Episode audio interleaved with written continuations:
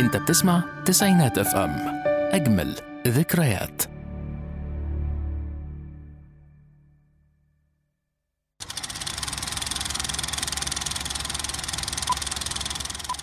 حد لشوق لحاجة إيه أنا بابا يلا Saw you with the box. What was in the box? What's in the box?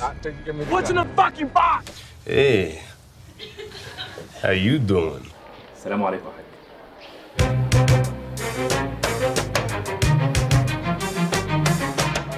تعالى معايا في رحلة لاكتشاف عالم السينما والتلفزيون. هنعرف من خلالها نناقش نحلل ونربط الأحداث ببعض. إحنا كمان هنقدر نربط أي عمل بعمل تاني. استنوني أنا يمنى وليد في برنامج ريموتك وفي شارك على تسعينات إف إم.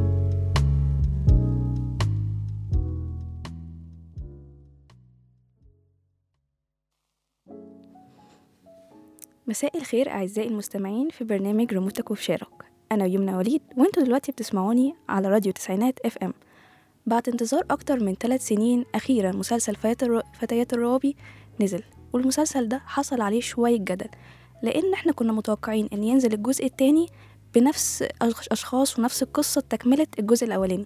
لكن اللي حصل هنا إن المسلسل ناقش فعلا قضايا مهمة بتحصل للشباب وبالذات البنات في فترة المراهقة بس بطريقة مختلفة.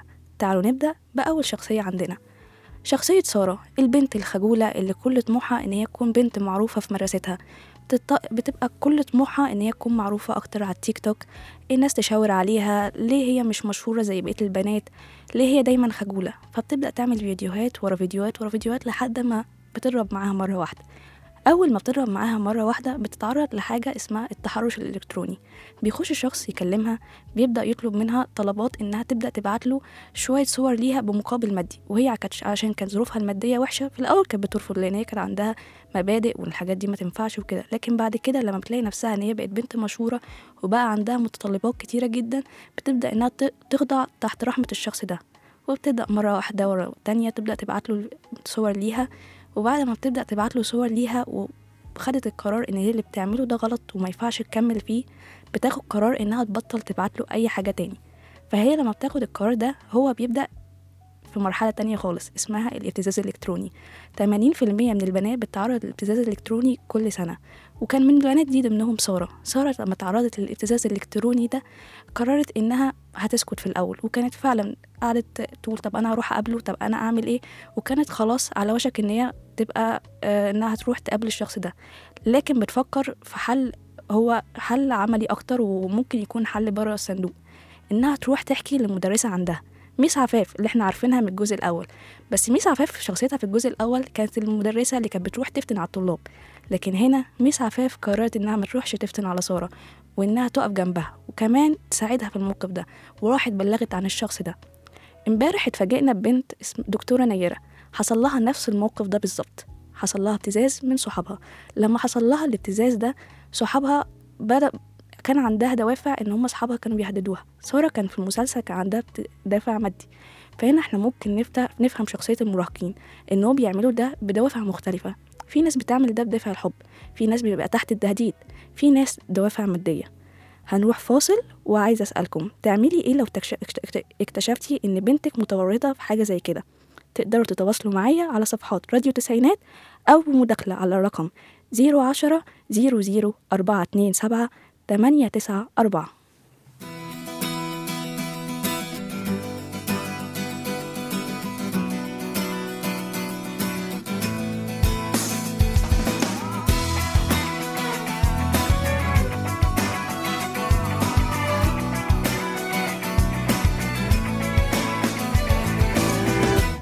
هاي قصة كل غريب.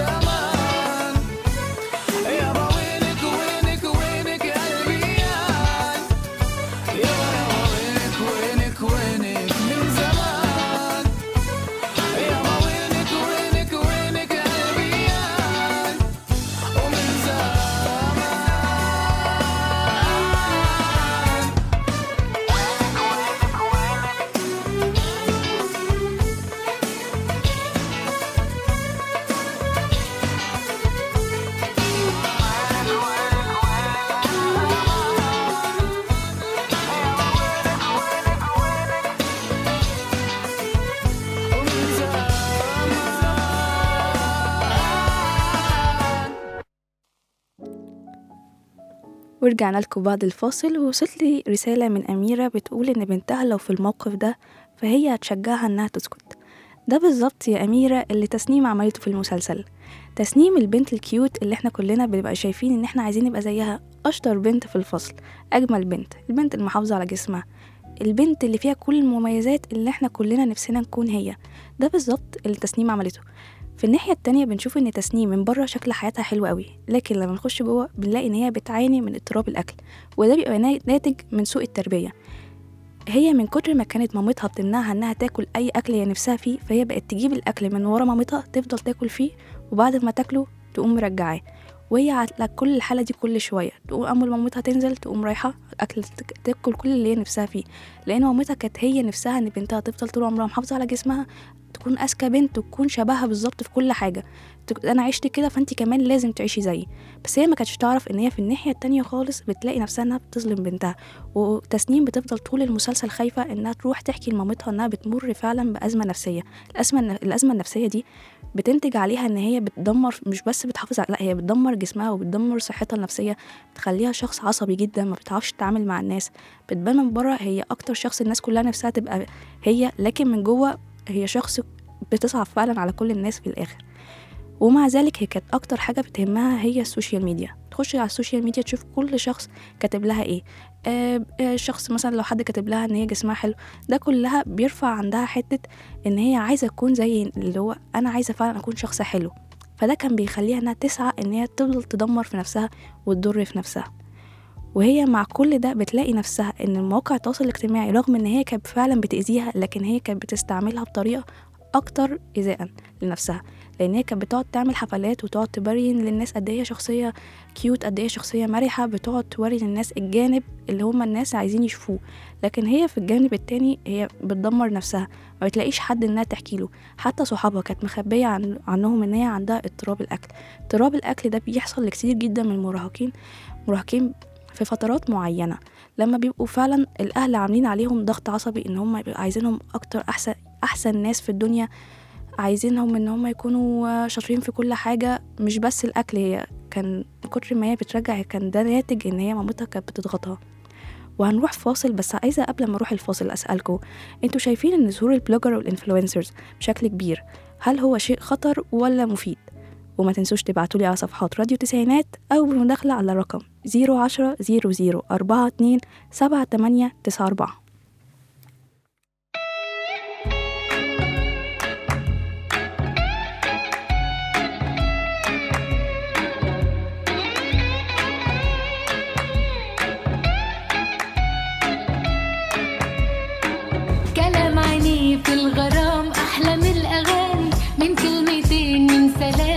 حد تاني.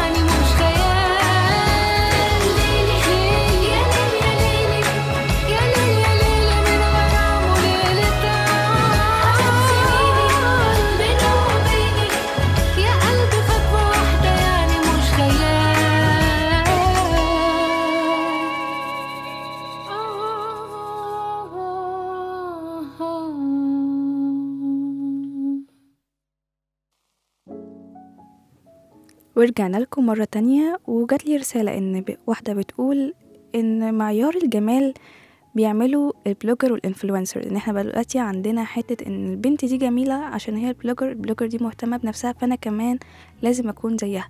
ده بالظبط حكاية فرح. فرح حكايتها بدأت لما لقت إن هي نفسها تكون زيها زي ال blogger. هي تبقى بنت عم تسنيم تسنيم اللي هي أشهر واحدة في المدرسة.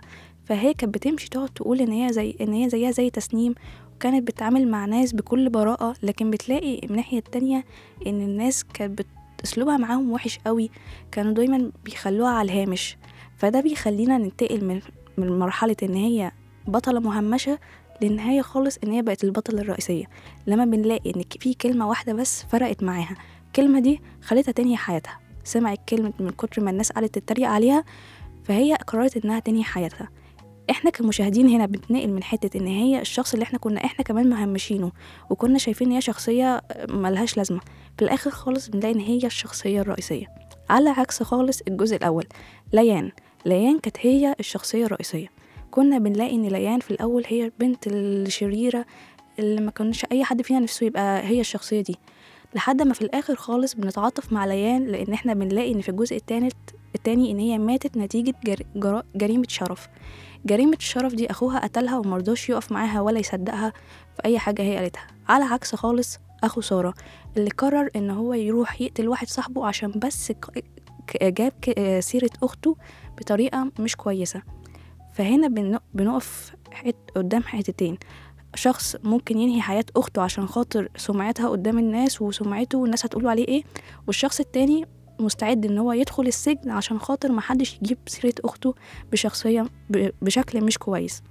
في أكتر من 2000 بنت بتموت كل سنة نتيجة جرائم الشرف. جرائم الشرف هي قضية مهمة جدا وأنا شايفة إن المسلسل بروزها بطريقة مفيدة لأنه خلانا بنبقى واعيين إن إحنا بدل ما نروح نموت إخواتنا أو بدل ما نروح نبقى أذيين أو نأذيهم لأ إحنا ممكن نقعد نسمعهم وكمان نقف جنبهم ونلاقي لهم حلول هما إزاي يقدروا يعدوا بفترة أو مرحلة صعبة زي دي. هناخد فاصل وتقدروا تبعتولي على صفحات راديو تسعينات أو بمداخلة على رقم zero عشرة zero zero أربعة اتنين سبعة تمانية تسعة أربعة.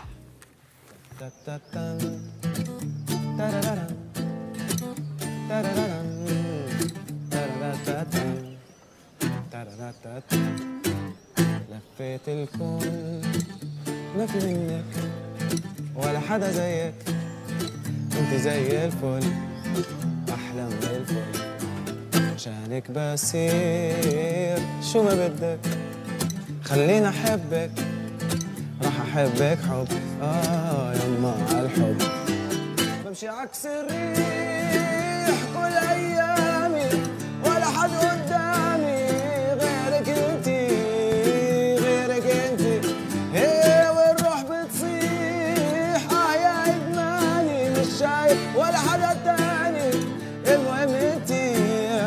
المهم انتي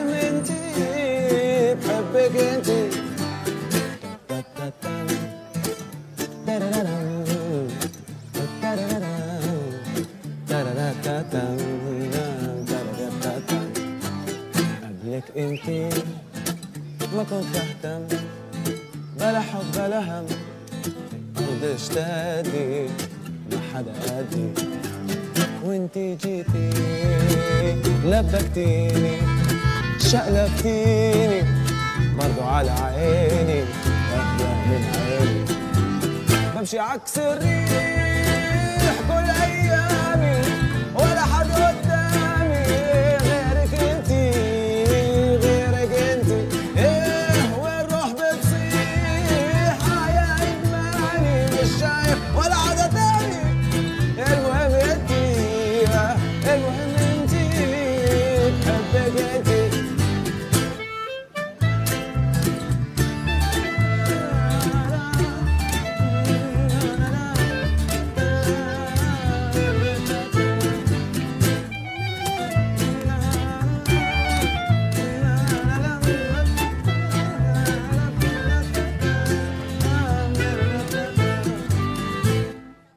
قبلك ما كان في شي بيأثر فيه. عارف شو إلي وشو اللي علي. آه لا عايش لحدا ولا علاقات وبعد مدى وانت جيتي ورتبتي الأولوياتي لما شفتك شوي شوي يلا الحب وقفوا رجلي.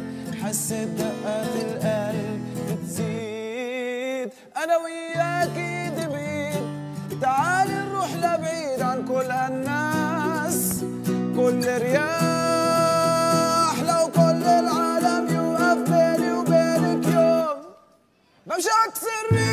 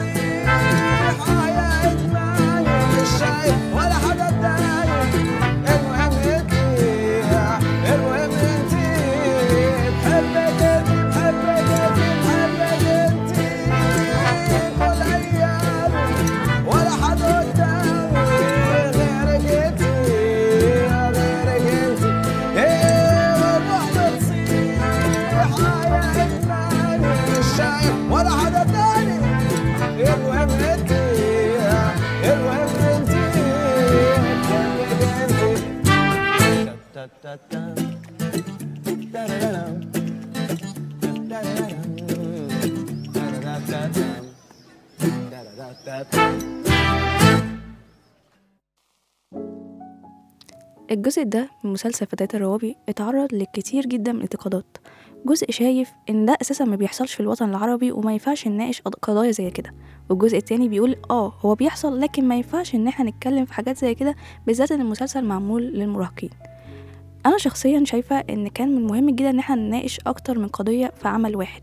بالذات في سن المراهقة لأن سن المراهقة أكتر سن بيتعرض لضغوطات ومشاكل إحنا ك يعني كناس كتيرة جدا ما تسمعش عنها حاجة. فكان من المهم جدا إن إحنا نشوف الحاجات دي في الواقع أو في مسلسل. أنا شخصيا استمتعت جدا بالجزء التاني لأنه فعلا بيناقش قضايا مهمة. ممكن شخصيات الجزء الأول كانت بالنسبة لي أفضل لانها اتعلقت بيهم بطريقة سريعة قوي الجزء التاني أنا خدت حلقتين عشان أعرف أفهم المسلسل ماشي إزاي ومرة واحدة لقيت الجزء الأول.